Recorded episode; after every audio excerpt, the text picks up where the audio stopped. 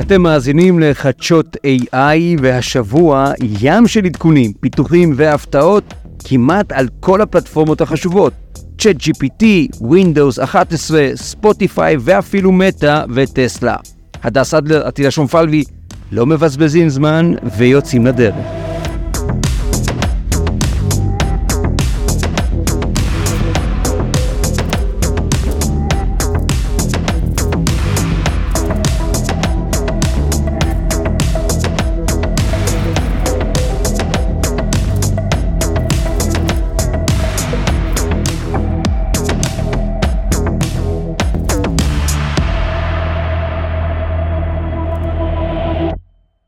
שלום הדס אדלר. שלום אטילה ושלום לכל המאזינים. אז גם בשבוע שעבר דיברנו על חידושים, אבל נדמה שבימים האחרונים הכל קפץ עלינו מכל כיוון.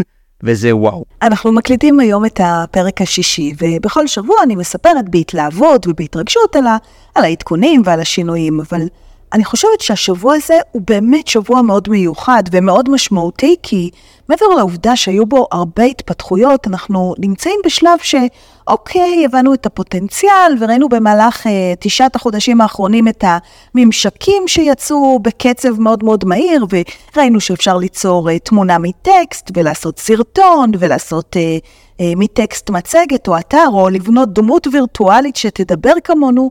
אבל עכשיו אנחנו נכנסים לשלב שאנחנו רואים איך כל החברות הגדולות לוקחות את כל הממשקים האלה ובעצם יוצרות מעין אינטגרציה בין המערכות כדי לעזור לנו להשתמש בכלי ה-AI האלו ברמה היומית. עכשיו, אני יודעת שכל שבוע אני מתרגשת על כל העדכונים והשינויים, אבל השבוע הזה הוא באמת שבוע משמעותי. אז בואו נתחיל. נתחיל עם OpenAI, האבא של ChatGPT, אז הם הפתיעו והנחיתו עלינו את האופציה המטורפת לדבר עם הבינה המלאכותית.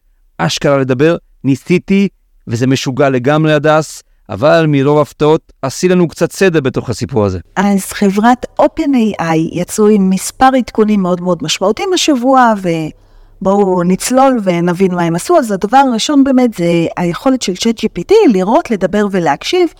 לפני שבוע וחצי בערך חברת OpenAI הודיעו שהם מוסיפים פיצ'ר חדש לתוך ה-ChatGPT, בעצם מעין מולטי מודל, הוא נקרא ChatGPT V4, הוא יוכל לאפשר לי ל- לראות, לדבר ולהקשיב.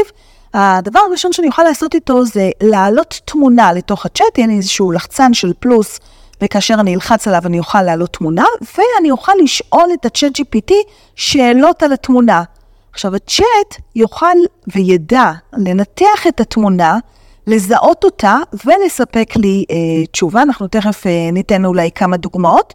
מעבר לזה, הוא יוכל גם לדבר איתי. אנחנו נוכל לדבר עם הצ'אט ממש כמו שאנחנו מכירים אה, עם סירי, זה כמובן יהיה דרך הטלפון, דרך האפליקציה של צ'אט GPT. אנחנו נוכל לשאול אותו שאלות ולשמוע אותו עונה לנו את התשובות, ואז להגיב לו בהתאם לתשובות שהוא נתן, ממש לנהל איתו איזושהי שיחה, וכמובן גם לבחור באיזה קול אנחנו רוצים שהוא יענה לנו. והקולות אגב ממש משתפרים, זה כבר לא אותו קול רובוטי שאנחנו מכירים מהעבר, אלא ממש קול שנשמע כמו קול אמיתי. הם הבטיחו לפני שבוע וחצי שזה ישוחרר בשבועיים הקרובים, אז לדעתי זה ממש אמור להיות אה, ככה עד סוף השבוע אצל כולם. אה, כדאי כמובן לצי... לציין שזה יהיה בגרסה 4, בגרסה בתשלום, אבל יש כבר אנשים בחו"ל שקיבלו את הממשק הזה והם התחילו להעלות כל מיני תמונות של uh, דברים שהם עשו עם הצ'אט, זה מאוד מעניין, ניתן איזושהי דוגמה או שתיים, אז הדוגמה הראשונה זה מישהו שהעלה תמונה של תבשיל, והוא הראה שהוא מבקש מהצ'אט GPT שיכתוב לו את המתכון שמוביל לתבשיל, וזה היה ממש יפה לראות איך הצ'אט פשוט כותב לו מה המצרכים ומה המתכון שיובילו לאותו תבשיל שיש בתמונה. אני מזכירה, הוא בסך הכל העלה לצ'אט תמונה של תבשיל, והצ'אט נתן לו את כל הפרטים אה, ואת המתכון. והדוגמה השנייה זה מישהו שהעלה צילום של אה, דף מהחוברת של הבן שלו של שיעורי בית. והוא העלה, צילם את, את הדף הזה והעלה לצ'אט GPT, והוא שאל, או ביקש מהצ'אט שיפתור לו את התשובות, ותוך מספר שניות הצ'אט קרא את הנתונים שיש בדף וסיפק את כל התשובות אה, אה, ישירות בתוך הצ'אט. אז אה, לא יודעת, אולי לא, לא יצטרכו יותר להכין שיעורי בית, אני לא יודעת לאן זה ילך, אבל אין ספק שזה, שזה, אה, שאלו דברים מאוד מאוד משמעותיים ש-OpenAI מוסיפה לפיצ'רים שלה, ו... יהיה מעניין מאוד לראות אה, לאן זה הולך הלאה. נשארים ברשותך עם צ'אט GPT והחידוש הנוסף נוגע לאינטרנט, כלומר עכשיו זה כבר באמת קורה, הצ'אט מחובר לאינטרנט באמת, בלייב, איך נהנים מזה? אז אה, כן, ChatGPT עם חיבור מחדש לאינטרנט. כידוע, ל-ChatGPT יש שתי גרסאות. יש גרסה בחינם, שהיא נקראת גרסה שלוש וחצי, הנתונים בה מעודכנים עד ספטמבר 2021, ויש את גרסה 4, שהיא גרסה בתשלום, וכשהיא עלתה, הבטיחו לנו שהיא תהיה מחוברת לאינטרנט, והיא באמת הייתה כך בהתחלה, אבל לפני מספר חודשים הם הסירו את, ה, את החיבור לאינטרנט, וממש השבוע התבשרנו על ידי חברת OpenAI שהחיבור לאינטרנט חזר. אז קודם כל, כדי להפעיל את זה, צריך ללכת להגדרות ולסמן את האפשרות של חיבור לאינטרנט, ואחר כך, כשפותחים שיחה חדשה, אז uh, פשוט לסמן את המודול של גישה לאינטרנט, ואז אפשר uh, לשאול שאלות ולקבל מידע שהוא מבוסס על נתונים באינטרנט, הוא גם יראה לנו את המקור שמשם uh, הוא לקח את המידע, וכמובן שהחזרה של המודול שמחובר לאינטרנט מחזק מאוד את ChatGPT והופך אותו לכלי הרבה יותר עוצמתי. תשמעי, הייתי מת להמשיך, אבל אז גיליתי שהצ'אט GPT מאפשר לנו לקחת את הפודקאסט הזה וגם לתרגם אותו לשפות אחרות. טוב, אולי לא את הפודקאסט הזה כי הוא בעברית, אבל אחרים כן.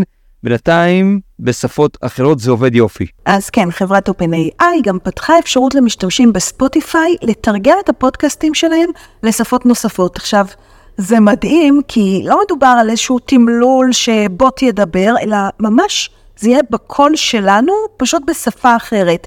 תחשבו שאתם שומעים אותי עכשיו בעברית, אבל uh, לא ירחק היום שתוכלו לשמוע גם בשפות אחרות, אז uh, ממש אוטוטו.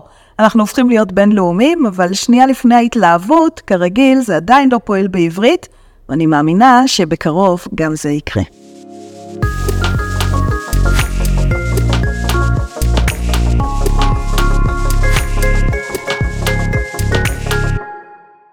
נעבור כעת למייקרוסופט שהוציאו את Windows 11 עם AI built-in, ממש איתנו בכל מקום או בכל חלון אם תרצי הדס.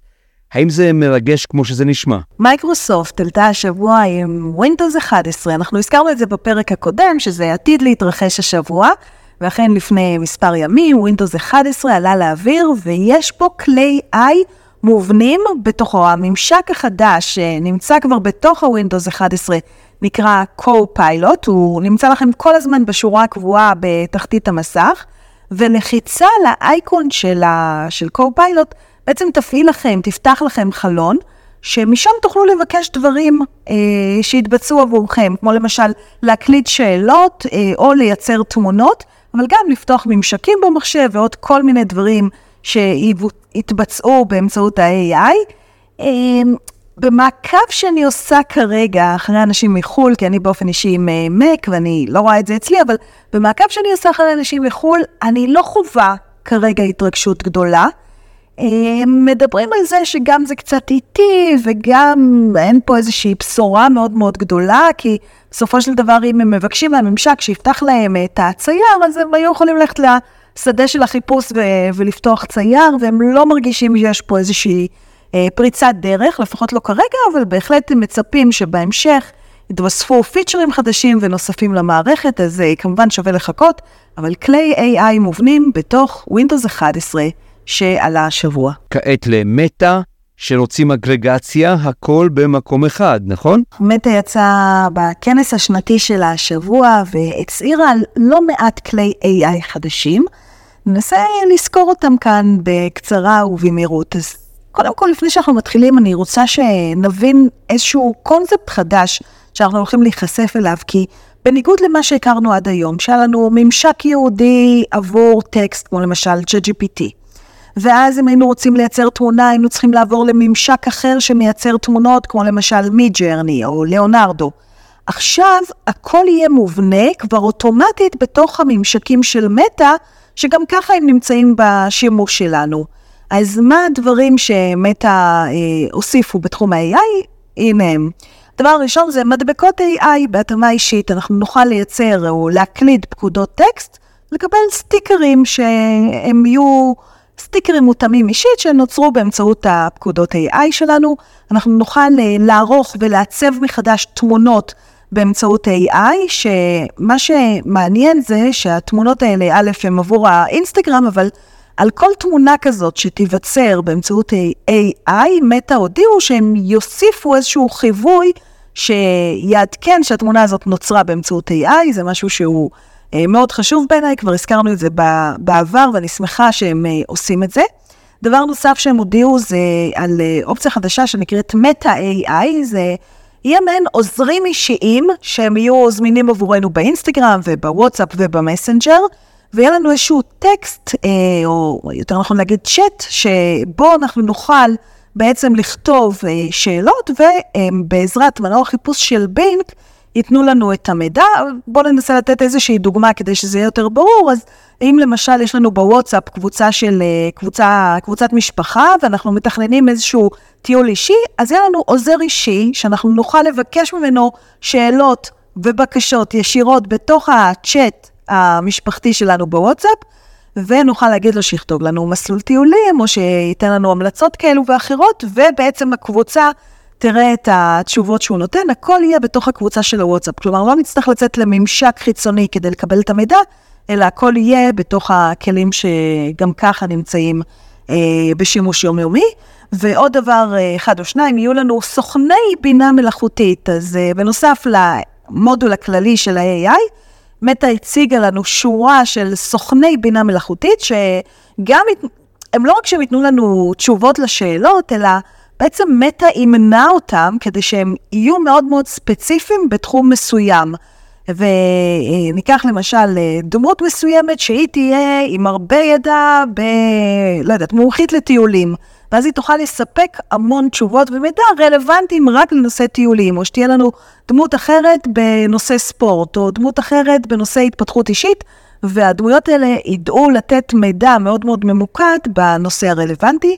כמו כן, אה, מטא הודיעה על כלי AI נוספים עתידיים, כמו למשל אה, אפשרות של, אה, של מפתחים שיוכלו לבנות כלי AI עתידיים עבור העסקים שלהם, זה משהו שהוא עתידי ואמור להיות גם מעניין. והדבר האחרון זה, הם הודיעו על, על משקפיים חכמים, זה משקפיים של, של רייבן, אבל, אבל זה לא משקפיים, למרות שהם יראו משקפיים רגילים, הם לא משקפיים רגילים כמובן, כי הם בעצם ימזגו בין העולם הווירטואלי, או בין העולם הפיזי לעולם הדיגיטלי, ויהיו בהם כל מיני יכולות של AI, כמו למשל עוזר אישי, אנחנו נוכל לשים את המשקפיים ולשאול שאלה ולקבל תשובה, הכל תוך כדי תנועה והכל אה, אה, בדיבור, זה בהחלט הולך להיות מאוד מאוד מעניין.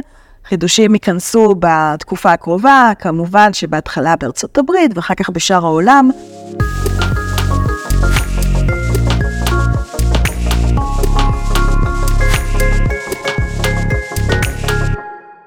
אוקיי. וגם אמזון שופכת מיליארדים כדי לשחק במגרש של הבינה המלאכותית, אז מה יש לנו שם אצלם? אז אמזון יוצאת עם כמה עדכוני AI השבוע, אנחנו נזכור פה שני עדכונים מרכזיים. הראשון, שאמזון משקיעה 4 ביליון דולר בחברה שנקראת אנתרופיק. אנתרופיק היא חברה שיצרה את קלוד, קלוד הוא ממשק של אה, מודל שפה, אנחנו כבר הזכרנו את קלוד באחד הפרקים הקודמים, ואני מזכירה אותו שוב, כי קלוד הוא בהחלט ממשק שפה שיכול לתת קונטרה לצ'אט GPT. אה, הוא נותן תשובות מאוד מעניינות וטובות ואיכותיות, וכרגע יש לא מעט אנשים שטוענים שהקלוד הוא אפילו לא פחות טוב מהצ'אט GPT. אמ, אז זה הדבר הראשון, הם הולכים להשקיע שם 4, 4 ביליון דולר, והיכולות של קלוד יתממשקו למוצרים נוספים של אמזון. יהיה מעניין מאוד לראות לאן זה ילך. והעדכון השני שקשור לאמזון זה שהם מתחילים להביא את היכולות של AI לתוך אלקסה. כלומר, אלקסה תדע לזהות לא רק פקודות קוליות, כמו שעד היום אנחנו מבקשים ממנה לעשות דברים, אלא גם שפת גוף ומבט ועיניים ותזוזה, ולפי זה היא תדע לקרוא אותנו ולעשות uh, פעולות מסוימות, גם איזשהו עדכון מאוד מאוד מעניין, אין ספק שגם אמזון נכנסת חזק חזק לתמונה. ולסיום הדס, משהו קצת אחר, הרובוט של טסלה. מה מיוחד ב baby של mister אילון מאסק. נסיים עם מבט לעתיד. טסלה שחררה השבוע סרטון של הרובוט אה, אופטימוס שלה. היא מציגה בעצם את השיפורים שהרובוט יכול לעשות. יש לו אפשרות להזיז אה, את הידיים ואת הרגליים ולעמוד באיזשהו שיווי משקל מאוד מאוד אה, מעניין, אבל לא פחות מזה, אחד הדברים שבאמת ככה יצרו הרבה רעש ברשת במהלך השבוע, זה היכולת שלו למיין קוביות לפי צבעים. ממש יראו איך אה, נותנים לו קופסה עם קוביות בשני צבעים שונים, והוא יודע לקחת את הקובייה, לזהות את הצבע ולהחליט אם היא שייכת לצבע הצהוב לשים אותה בצד אחד, ואם היא בצבע, בצבע הירוק לשים אותה בצד השני. ומה שמעניין זה שתוך כדי, הסרק... תוך כדי הסרטון הזיזו לרובוט את הקוביות, וניסו ככה לתמרן אותו ולשנות את הסדר וכל מיני דברים, ועדיין הוא ידע לקחת את, ה... את הקוביות ולמיין אותם לפי צבעים. היה מאוד מאוד מעניין לראות, ובכלל, כל הנושא הזה של הרובוטיקה הוא אה, מאוד מאוד מתפתח, ואנחנו באמת רואים אה, כיוונים מאוד מעניינים וחידושים מאוד מעניינים בתחום הזה, וכמובן... עד כאן חדשות AI, הפרק השישי, תודה שהייתם איתנו, הדס אלדר, תודה גם לך, נשתמע בפרק הבא.